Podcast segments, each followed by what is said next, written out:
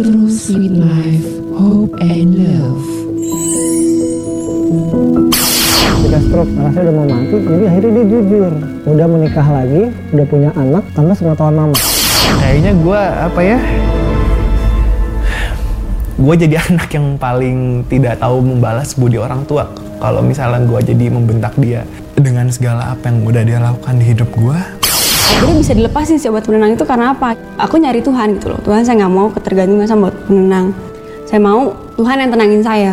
Akhirnya bisa tidur nyenyak. Gue di stop di salah satu pekerjaan yaitu di salah satu program televisi. Gue di stop dengan alasan yang tidak tahu, gue pun tidak jelas. Maestro Sweet Life, Hope and Love.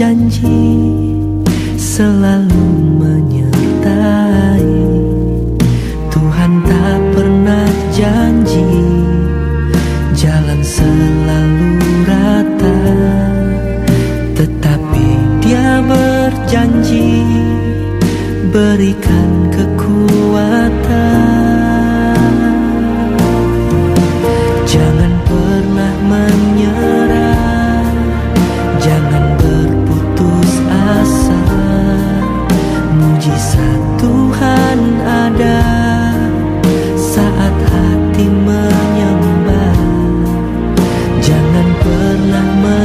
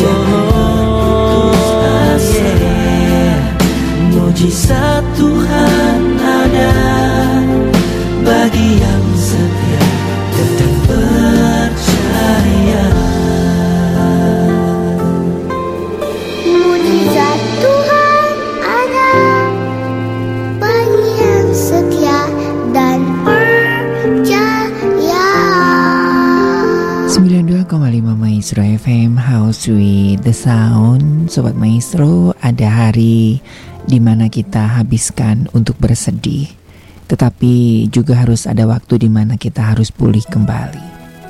Ada kesedihan, ada juga hari mengambil sebuah pelajaran. Hidup akan terus berjalan dan tidak peduli dengan sedih kita. Maka berusahalah menjadi lebih baik dari sebelumnya adalah pilihan yang tepat untuk menyebut sebuah kebahagiaan. Apa yang berlalu diambil pelajaran untuk melangkah ke depan. Sementara sekarang adalah menjaga hati agar tak jatuh lagi dan kembali tersakiti. Apalagi bertanya kepada diri, kenapa semua terjadi? Kenapa aku yang tersakiti? Shalom dan selamat malam Sobat Maestro, apa kabar Anda? Dingin ya? Iya, senang sekali saya Ari dan juga rekan Gary menemani Anda di malam minggu yang lumayan um, dingin ya Karena dari siang tadi kota Bandung dibuai dengan derasnya hujan. Semoga kehadiran kami di Maestro Sweet Life Hope and Love bisa memberikan kehangatan tersendiri. Khususnya bagi sahabat-sahabat saya yang tengah dalam uh, dirundung sebuah duka ataupun juga kegalauan hati ya ketika harus masuk dalam lembah kekelaman. Padang gurun belum selesai masuk ke padang belantara ini masuk lagi kepada musim yang entah sampai kapan ini berhenti ya. Dan memang ini sebuah pertanyaan yang saya sendiri juga nggak bisa memberikan jawaban. Semuanya adalah ada dalam sebuah rencana Tuhan. Hingga menjelang pukul 10 malam nanti izinkan kami berbagi cinta dan harapan yang dari Tuhan. Tentunya dengan kidung-kidung pujian yang kami berharap ini juga bisa membangkitkan semangat iman dan pengharapan kita kepada Tuhan dan kita boleh melihat bahwa Tuhan itu baik sekalipun keadaan kita sedang tidak baik. 081 321 000925 bisa Anda pergunakan untuk berbagi secuil hati ya. Kan orang bijak mengatakan ketika kesedihan dibagi maka kesedihan akan berkurang. Ketika kebahagiaan dibagi maka kebahagiaan akan bertambah. Atau mungkin malam hari ini Anda hanya sekedar ingin menikmati kidung-kidung pujian yang mewakili perasaan Anda? Boleh, ya. Nanti akan saya hadirkan. Dan Sobat Maestro, beberapa minggu ini ya saya mendampingi rekan-rekan yang seakan-akan mempertanyakan keadilan Tuhan teh di mana gitu ya. Kenapa sih aku? Why me Lord? Dari sekian banyak orang, kenapa harus aku yang terpilih? Dan beberapa hari ini, ya biasa ya ketika hmm, kita mendengarkan curhatan orang begitu ya. Nah ini kan juga dalam tanda kutip ya saat kita menjadi tong sampah itu kan energi kita kan juga terkuras begitu. Dan hari-hari ini saya juga ngerasa seperti itu ya sobat maestro dalam kondisi yang di bawah dengan situasi yang seperti ini tiba tiba-tiba kondisi badan drop yang namanya orang autoimun itu kan nggak bisa ditebak. Hari ini bisa oke okay, besok nggak oke okay, ya. Satu jam oke okay, satu jam kemudian nggak oke okay, gitu kan capek gitu ya. Dan saya mau tidak mau itu sedikit terkontaminasi dengan beberapa perasaan teman-teman yang dibagi ya kenapa Tuhan mesti aku? Kenapa aku harus begini? Ya nanti kita akan uh, ngobrol bareng-bareng ya.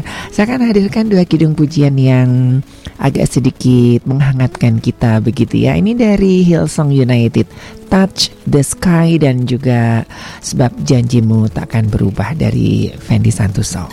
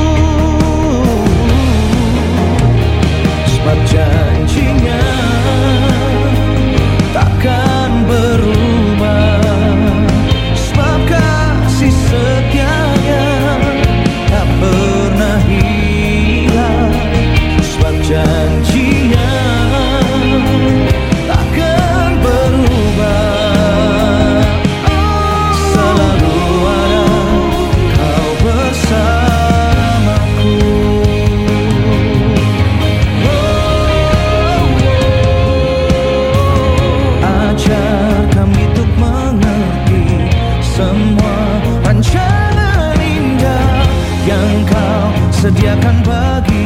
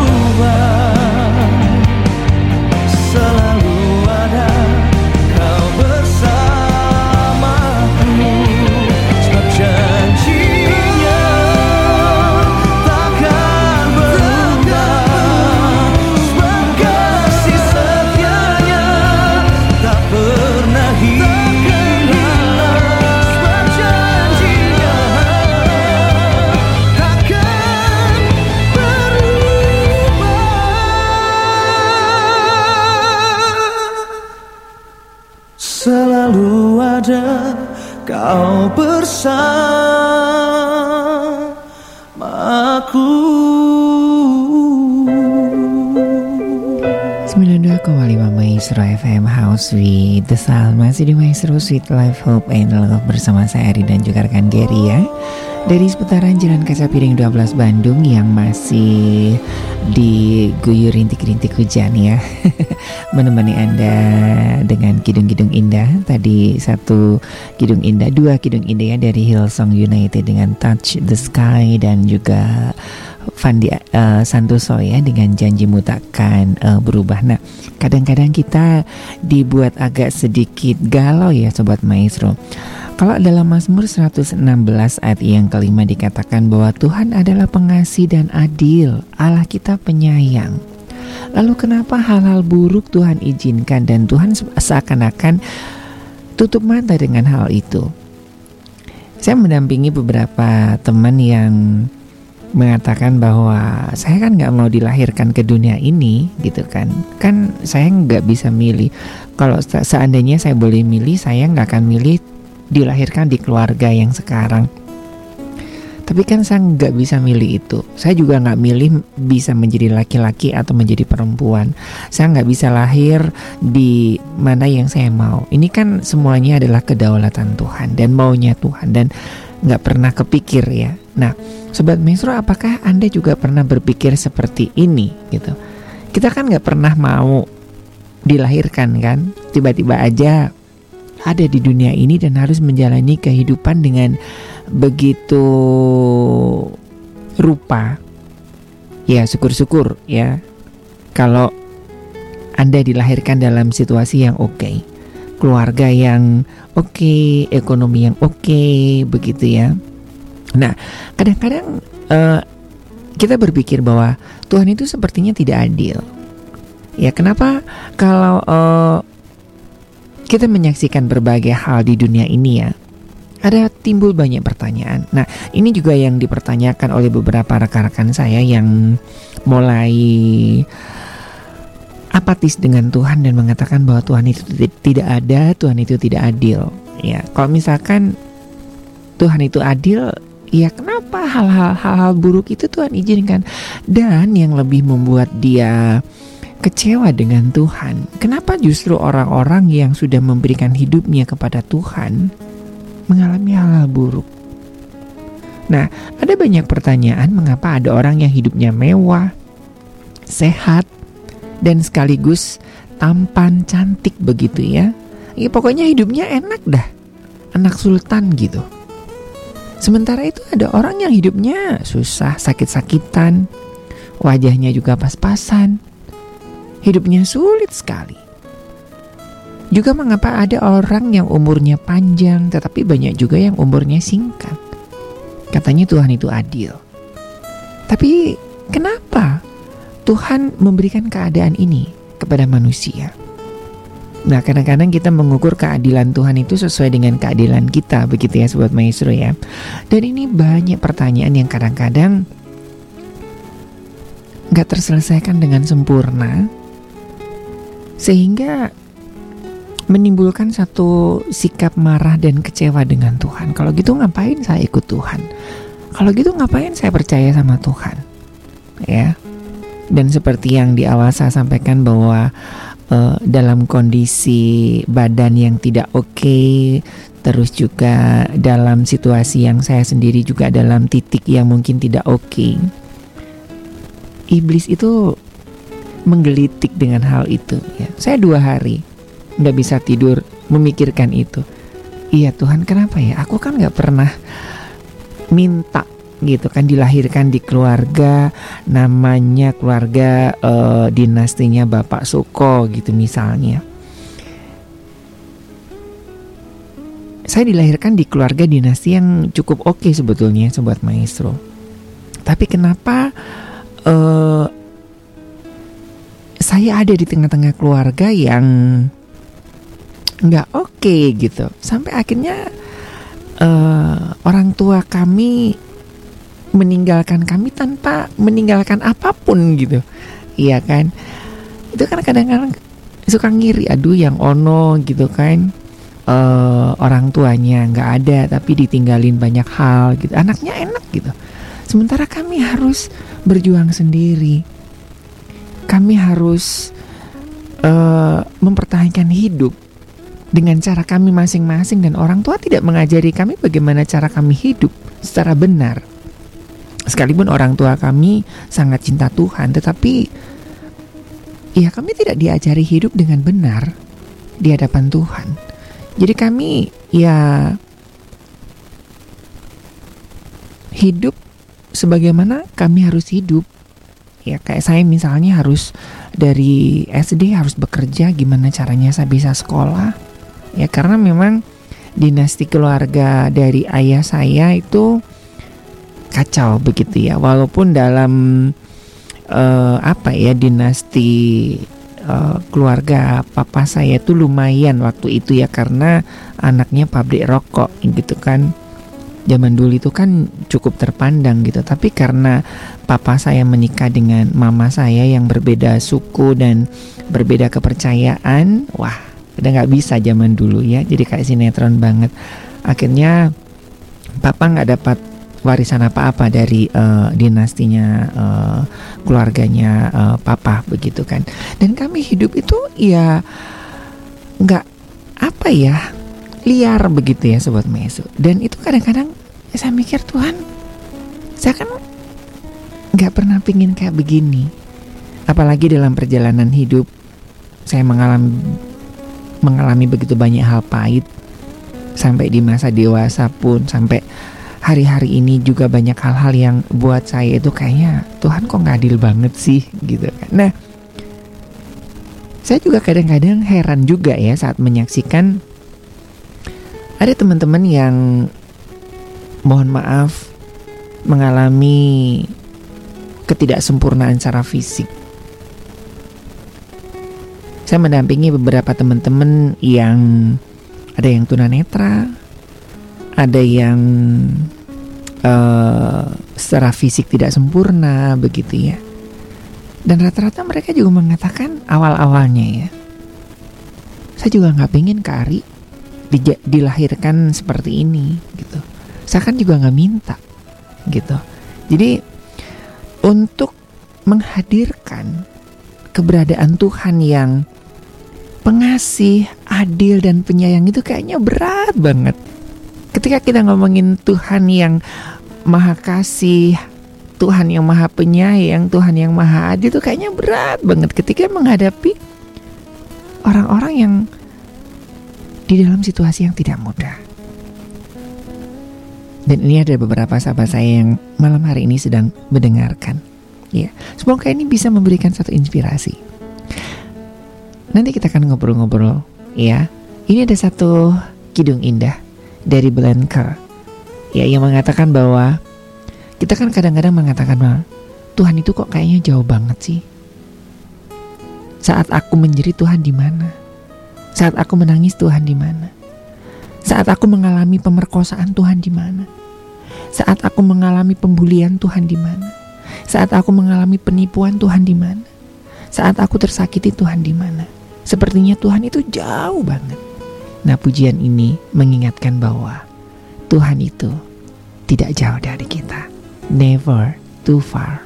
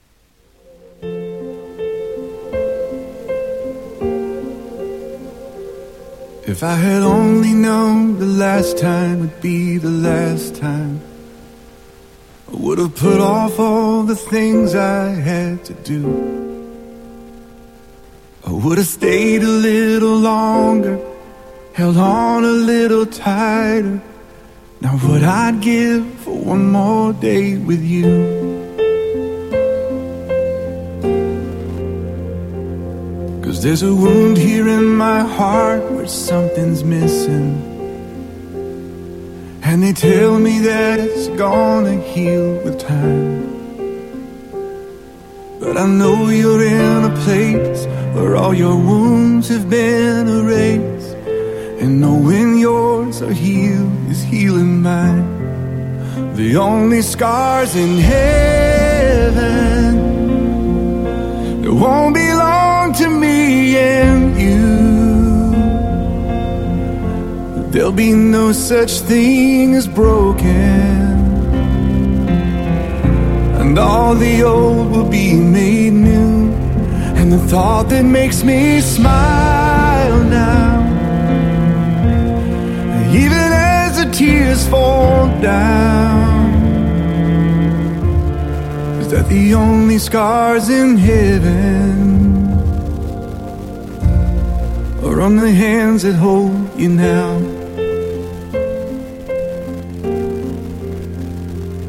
I know the road you walked was anything but easy. You picked up your share of scars along the way. Oh, but now you're standing in the sun. You fought your fight and your race is run. The pain is all a million miles away. The only scars in heaven that won't belong to me and you. There'll be no such thing as broken. And all the old will be made new. And the thought that makes me smile now. Even as the tears fall the only scars in heaven? Yeah. Are on the hands that hold you now.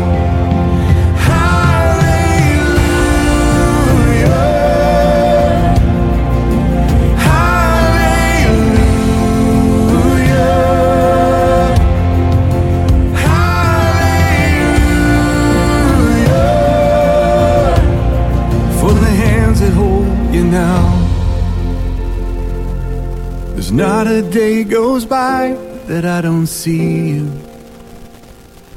You live on in all the better parts of me. Until I'm standing with you in the sun, I'll fight this fight in this race I'll run. Until I finally see what you can see. Oh, the only scars in heaven to me and you. There'll be no such thing as broken. And all the old will be made new. And the thought that makes me smile now. And even as the tears fall down, is that the only scars in heaven?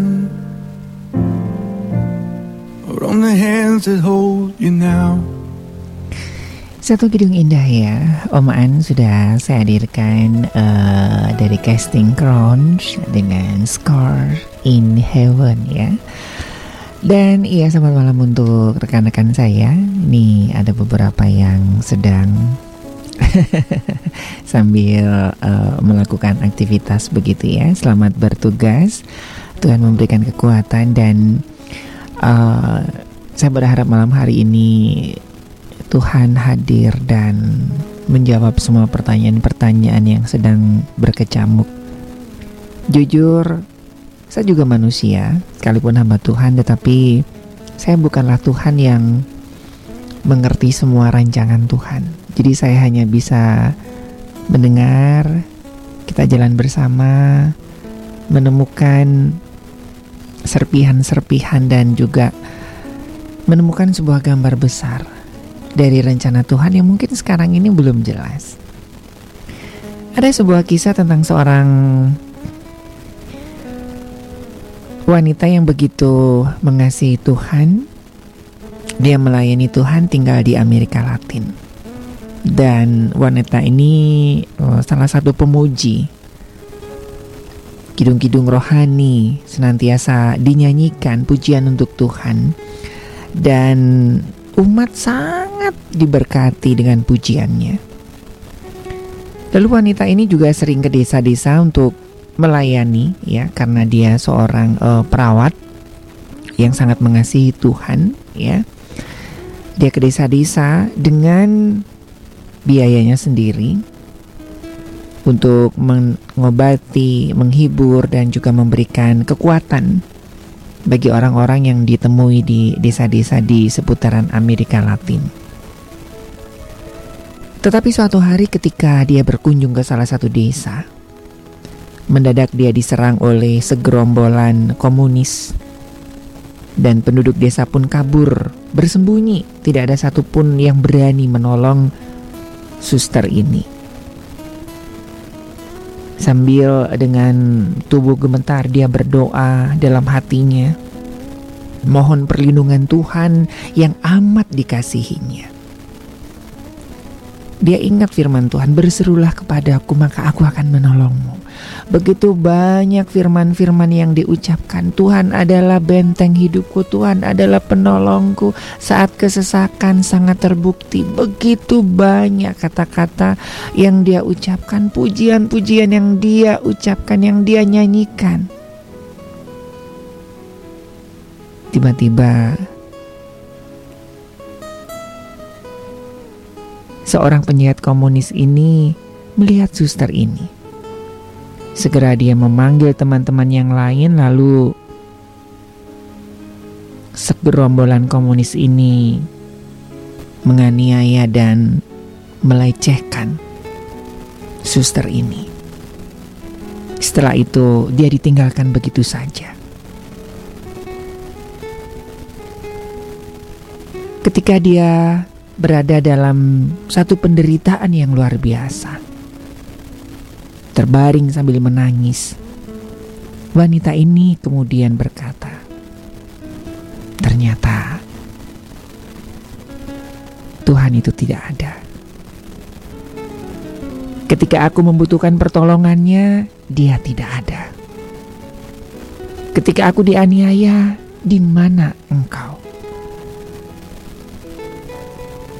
Ketika kehormatanku dilecehkan, hidupku dihancurkan, Tuhan di mana? Dia bangun dan berkata lagi, "Ya, Tuhan tidak ada." Lalu dia pergi dan meninggalkan Tuhan seumur hidupnya.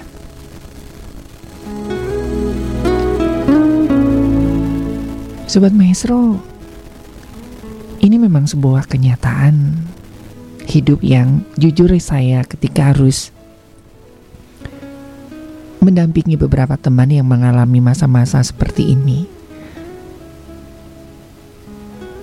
Sangat berat bagi kami untuk menghadirkan bahwa Tuhan itu adalah pengasih, adil, dan penyayang. Sangat sulit, sangat berat. Bahkan Ayub sendiri ya dia sempat mengutuki hari kelahirannya. Dia sempat berdebat kepada Tuhan. Kurang apa aku? Dia tidak pernah melakukan hal yang tidak baik di hadapan Tuhan. Tetapi kenapa hal buruk yang justru terjadi? Bukannya Tuhan itu penolong? Tuhan itu pengasih dan penyayang? Tapi faktanya mana? Justru hidupnya hancur.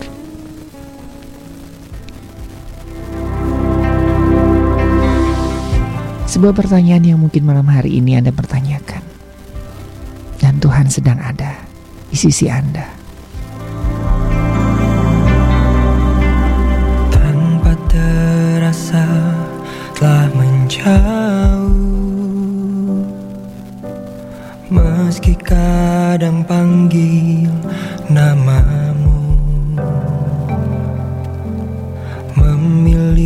jalan yang terbuka lebar. Pergi jauh dari rumah bapakku.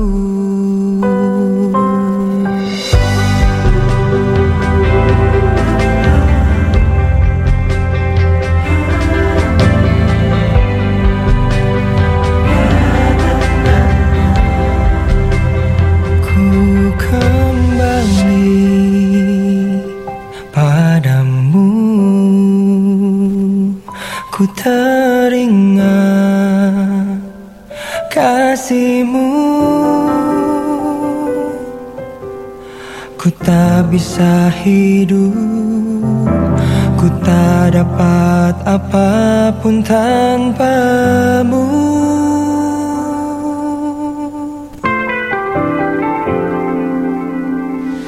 Merasa berada di dekatmu. Namun batin pergi menjauh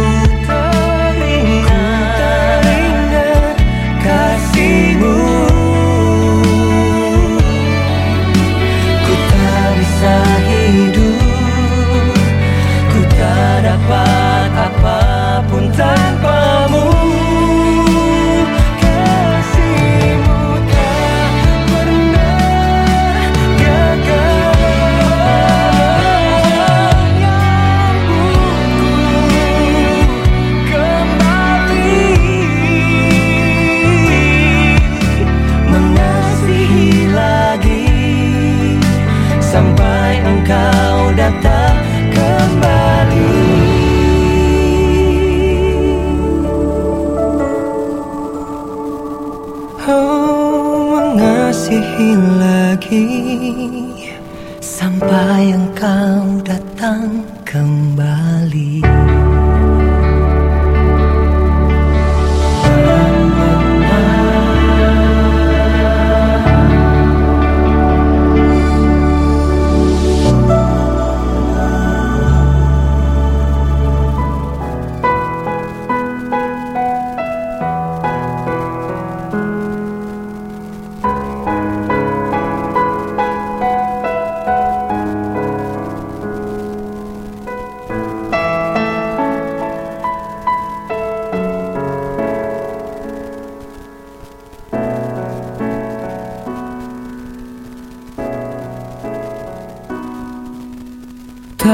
mudah hidupku tanpa dirimu.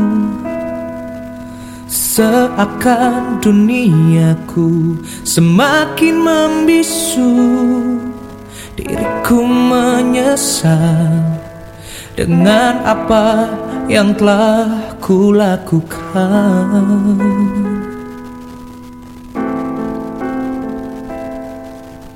Maafkan diriku yang telah terhilang.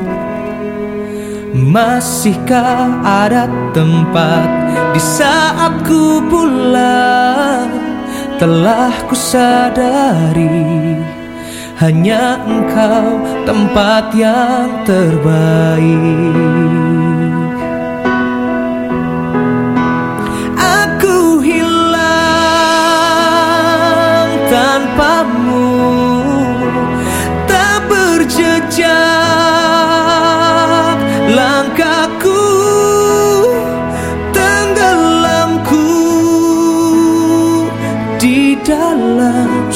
sepiku Hilang semua keangkuhan diri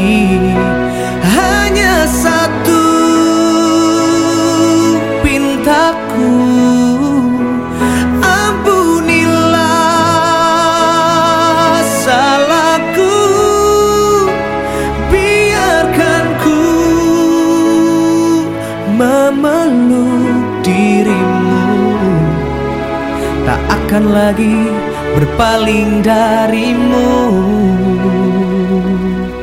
Karena ku tahu ku hilang tanpamu. Di tengah sunyinya kepedihan hati Hadirmu memberi kesejukan hati. Sungguh ku berarti di dalam hatimu. Ku ingin kembali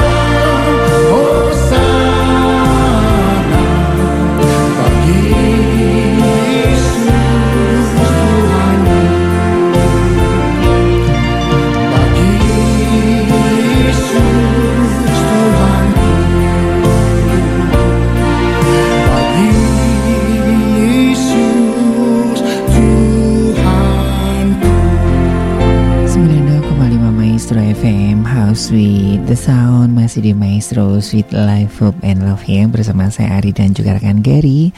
Masih dari kawasan Jalan Kasapiring 12 Bandung. Sudah 6 menitnya berlalu dari pukul 21 Dan uh, tadi sudah beberapa kidung-kidung pujian indah Kami hadirkan menemani malam hari Anda. Selamat beristirahat buat Anda yang tengah beristirahat ya Mungkin habis kehujanan karena harus bekerja.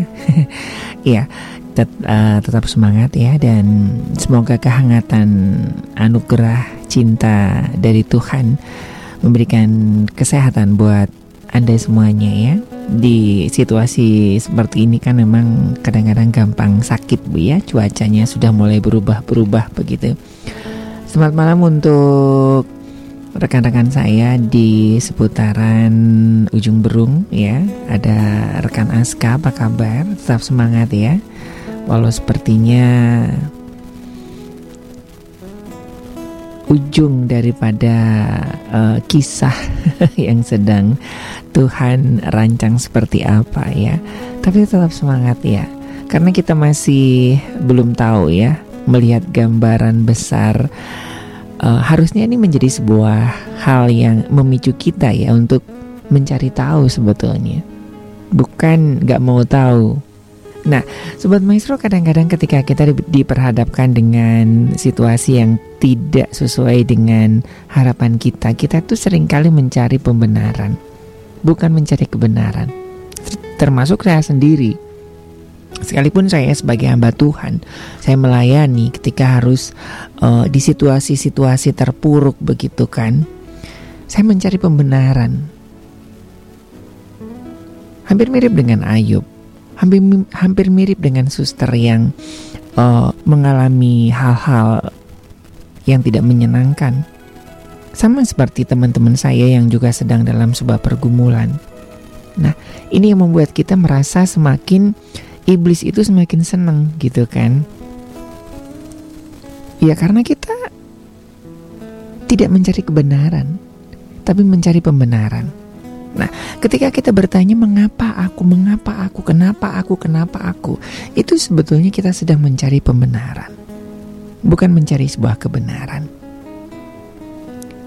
Sebenarnya Tuhan tidak pernah merancangkan penderitaan manusia ya. Sebaliknya Tuhan merancangkan hal-hal yang baik bagi setiap kita. Sesuai dengan kebenaran firman Tuhan dalam Yeremia 29 ayat yang ke-11 ya. Ayat yang kita senangi. Tetapi kan di situ ada kebenaran-kebenaran yang tidak sesuai dengan apa yang kita pikirkan. Ya. Ini kan sebuah proses. Dalam Yeremia 29 ayat 11 dikatakan bahwa sebab aku ini mengetahui rancangan-rancangan apa yang ada padaku mengenai kamu.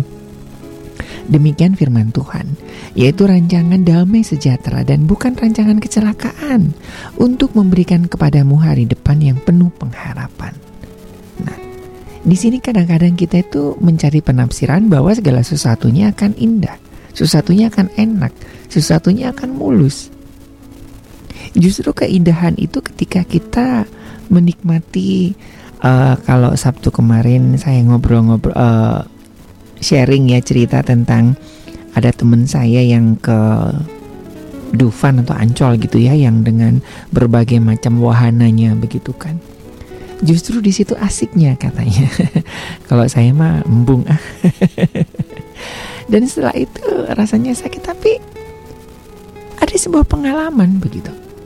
Bahkan Raja Daud mengatakan bahwa di dalam lembah kekelaman, ya, dia sampai di bawah kebayang-bayang maut. Dan di situlah dia bisa merasakan kehadiran Tuhan. Dan itu memang tidak mudah. Nah kadang-kadang kita terlalu gampang mengklaim firman-firman yang membenarkan dan apa ya menjadi jalan rasionalisasi kepada kita. Bahkan kita sering kali menggambarkan Tuhan itu seperti apa yang kita pikirkan.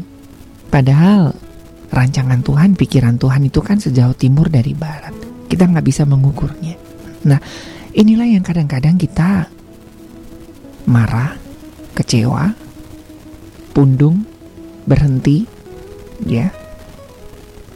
Memang dalam dalam pikiran Tuhan itu ada rancangan damai sejahtera bahkan di tengah-tengah lembaga kelaman pun Tuhan memberikan damai sejahtera. Memang ini tidak mudah, tidak mudah, ya. Tetapi kita masih ketika kita selama kita mengatakan bahwa kita terus mencari pembenaran, pembenaran dan pembenaran, kita tidak akan pernah ketemu dengan kebenaran. Ada satu kidung indah. Ini eh, saya sangat suka dengan pujian ini. Ini apa namanya dalam bahasa India begitu ya. Ini pengenalan tentang Tuhan, ya. Nah, kadang-kadang kita mengenal Tuhan yang kita sembah di dalam Yesus Kristus itu sesuai dengan dengan pikiran kita. Kita menggambarkan Tuhan Yesus itu seperti yang kita mau, bukan seperti apa yang Tuhan mau. Ya. Nah, itu yang sering kali iblis membelokkan kebenaran-kebenaran yang semu. Pembenaran pembenaran-pembenaran yang sepertinya sebuah kebenaran. Ini indah banget pujiannya. Saya sangat suka kalau sedang saat teduh saya nyanyikan pujian ini.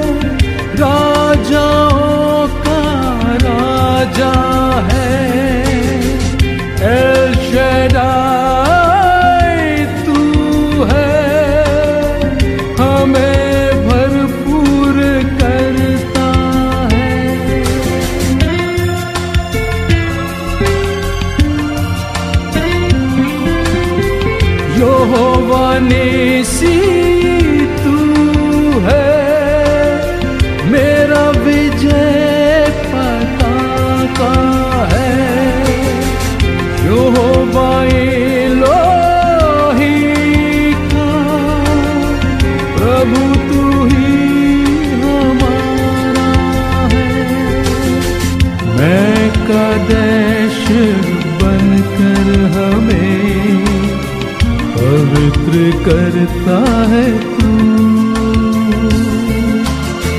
मैं का देश बनकर हमें पवित्र करता है तू।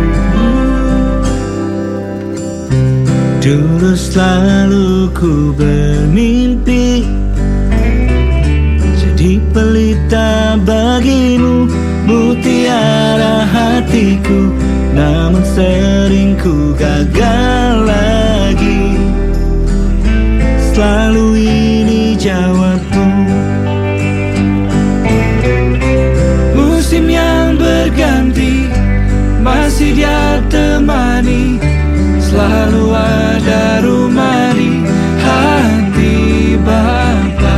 Apa pun terjadi Dia teman sejati Selalu ada rumah di hati Bapa.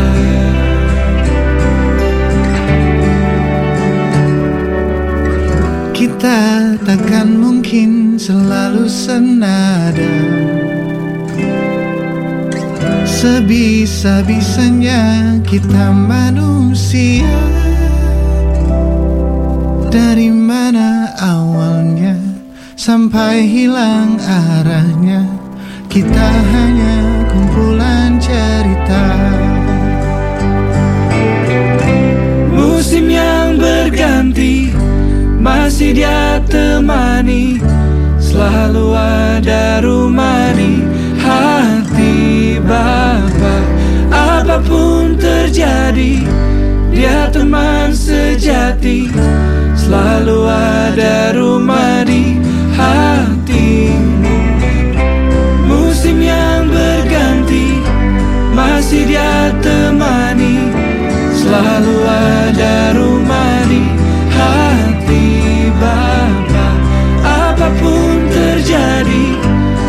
teman sejati Selalu ada rumah di hatimu.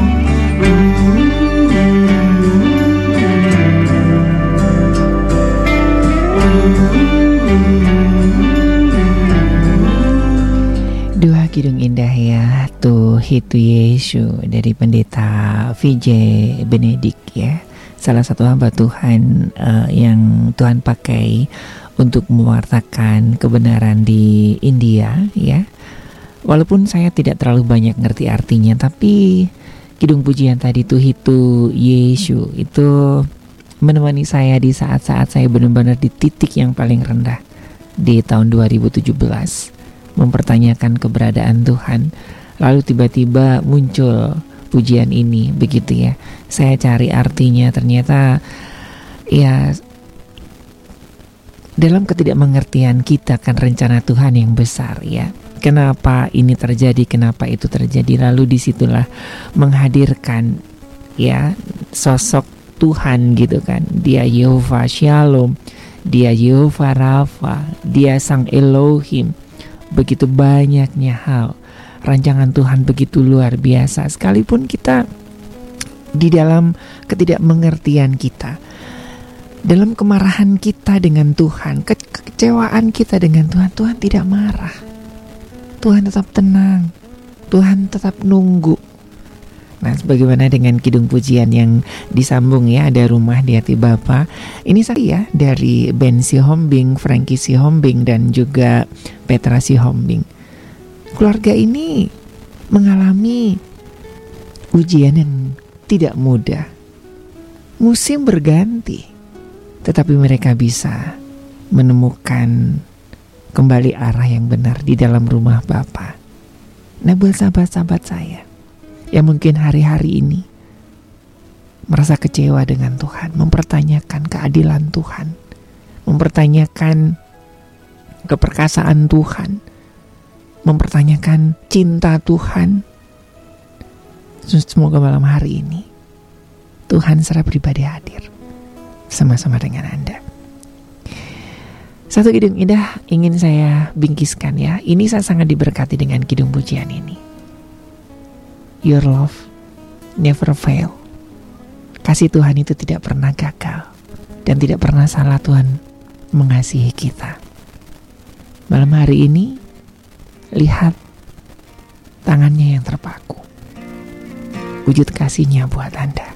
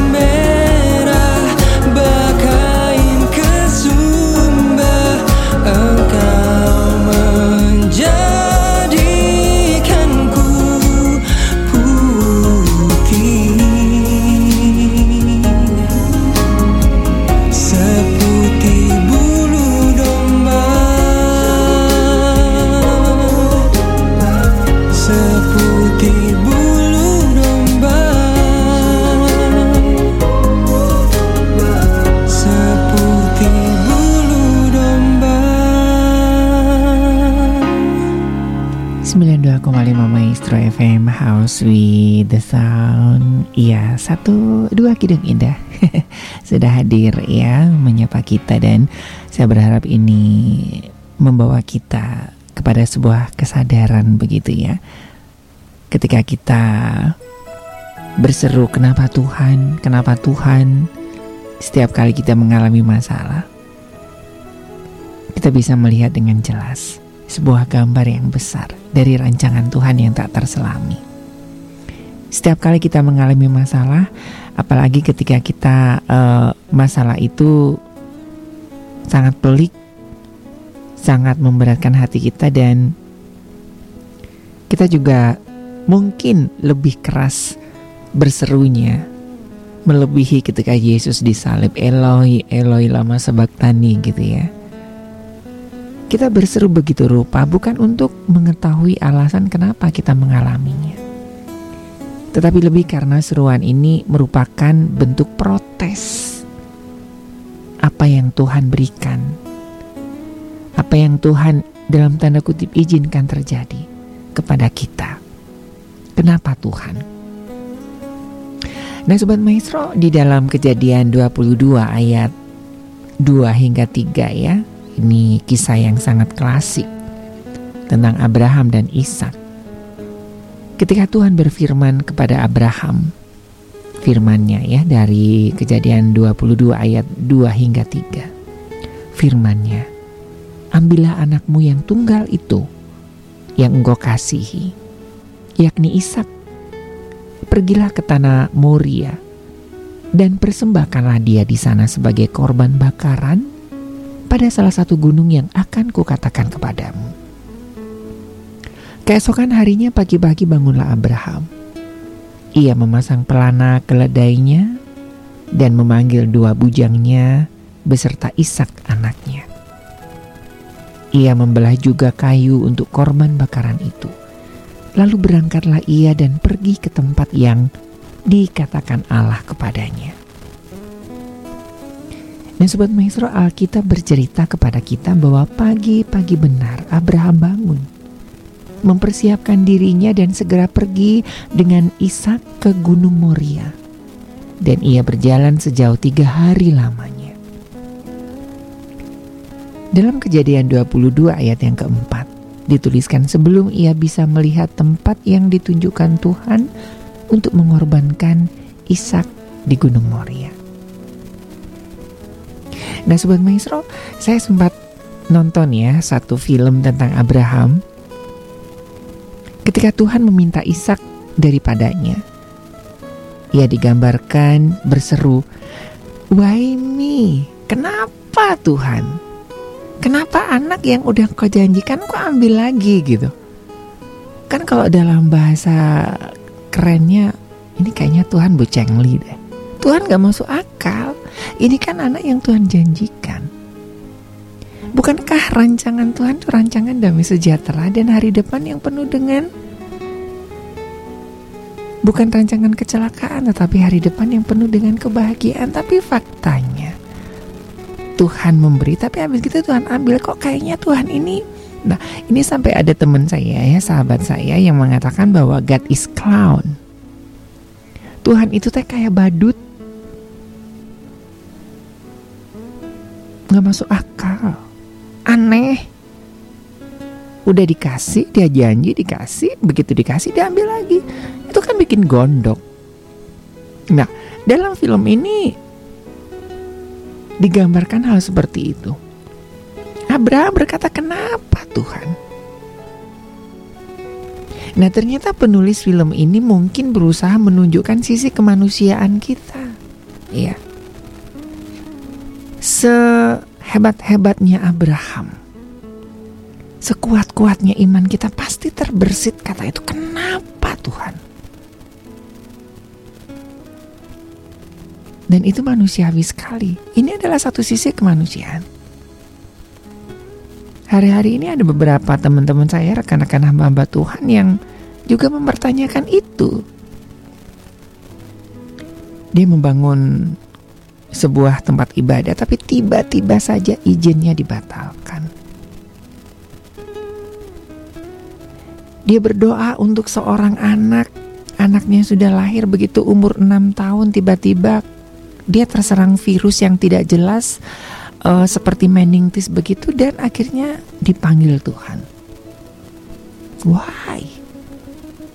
Tidak mudah. Nah si penulis cerita ini ingin menunjukkan sisi kemanusiaan Abraham Walaupun dalam Alkitab sama sekali tidak menunjukkan adanya momen di mana Abraham mempertanyakan kenapa Tuhan. Alkitab berkata bahwa Abraham justru segera bangun pagi-pagi, ya pagi-pagi benar untuk pergi ke Gunung Moria. Dan fakta pada ayat yang keempat, Abraham berjalan sejauh tiga hari, menunjukkan ia dengan hati teguh berjalan terus tanpa menoleh atau berbalik pulang. Di sinilah Tuhan menguji Abraham. Dan dalam kejadian 22 ayat yang pertama, dan sejak awal ia sudah menunjukkan bahwa ia punya hati yang benar. Ya, tidak bisa dipungkiri, banyak dari kita sangat tertarik kepada berkat Tuhan, karya Tuhan, keajaiban Tuhan, mujizat Tuhan, kemampuan Tuhan yang sangat luar biasa tapi tidak banyak yang tertarik pada siapa dia, karakter dan kepribadian Tuhan, kehadiran Tuhan dalam hidup kita. Makanya ketika di tahun 2017 ya ketika saya mempertanyakan di mana Tuhan itu muncul tiba-tiba saya ada searching di YouTube ada Tuhitu ya Tuhitu Yesu sama ada Yesu Merelie gitu ya itu bahasa. Makanya saya lebih bisa merasakan pujian penyembahan dalam bahasa India. Walaupun saya tidak terlalu banyak mengerti tapi setelah touch itu dapat gitu ya saya cari waduh ceritanya itu ternyata saat kita terluka Tuhan pun terluka sebetulnya.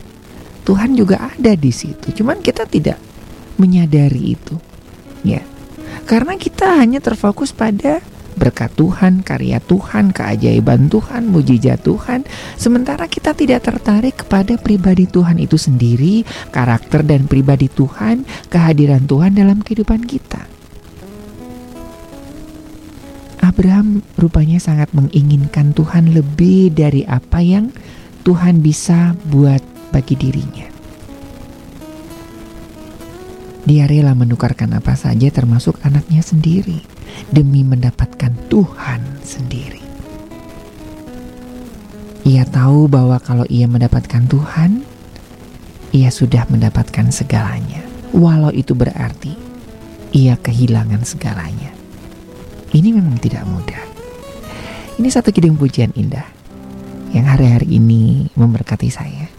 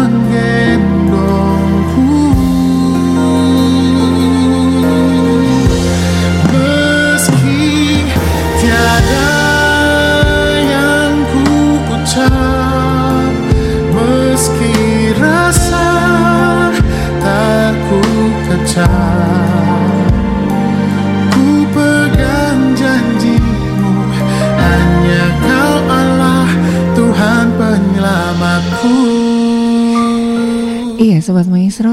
Terima kasih buat malam hari ini Dan semoga ini bisa memberikan satu inspirasi buat kita semuanya untuk bangkit ya. Ini masih panjang ya. Nanti kita akan lanjutkan Sabtu depan. Baik dari Gerah Maestro Jalan Kaca Piring 12 Bandung. Saya Ari dan juga rekan Gary mohon pamit. Selamat beristirahat dan Tuhan memberkati. Tiada yang mampu seperti kau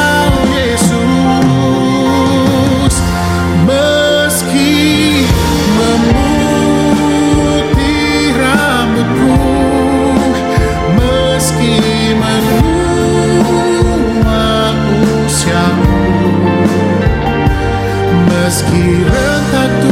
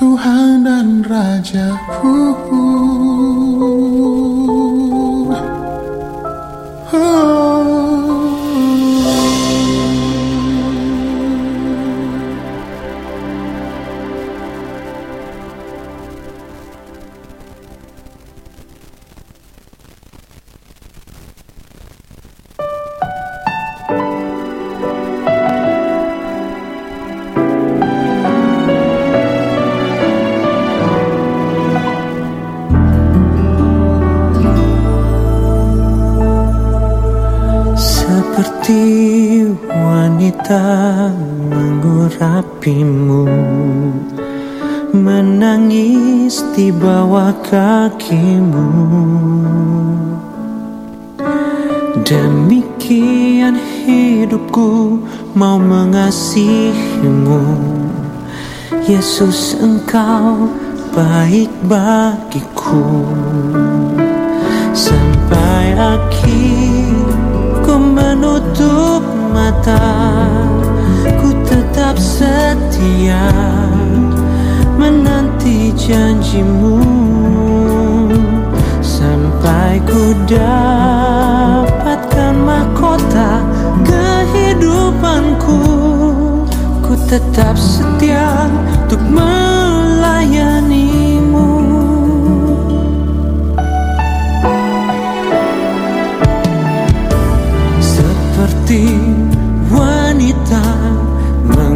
mengurapimu Menangis di bawah kakimu. Dan hidupku mau mengasihimu. Yesus engkau baik bagiku. Sampai akhir ku menutup mata Ku tetap setia menanti janjimu Sampai ku dapatkan mahkota kehidupanku.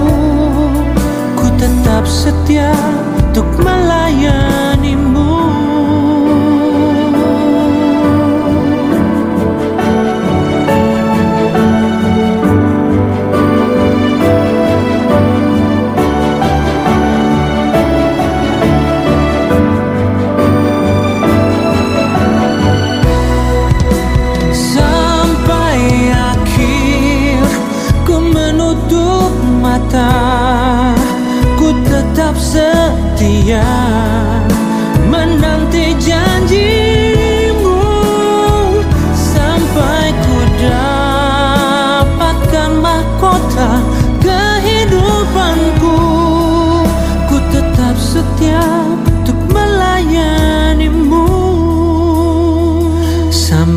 ku dapatkan mahkota kehidupanku. Ku tetap setia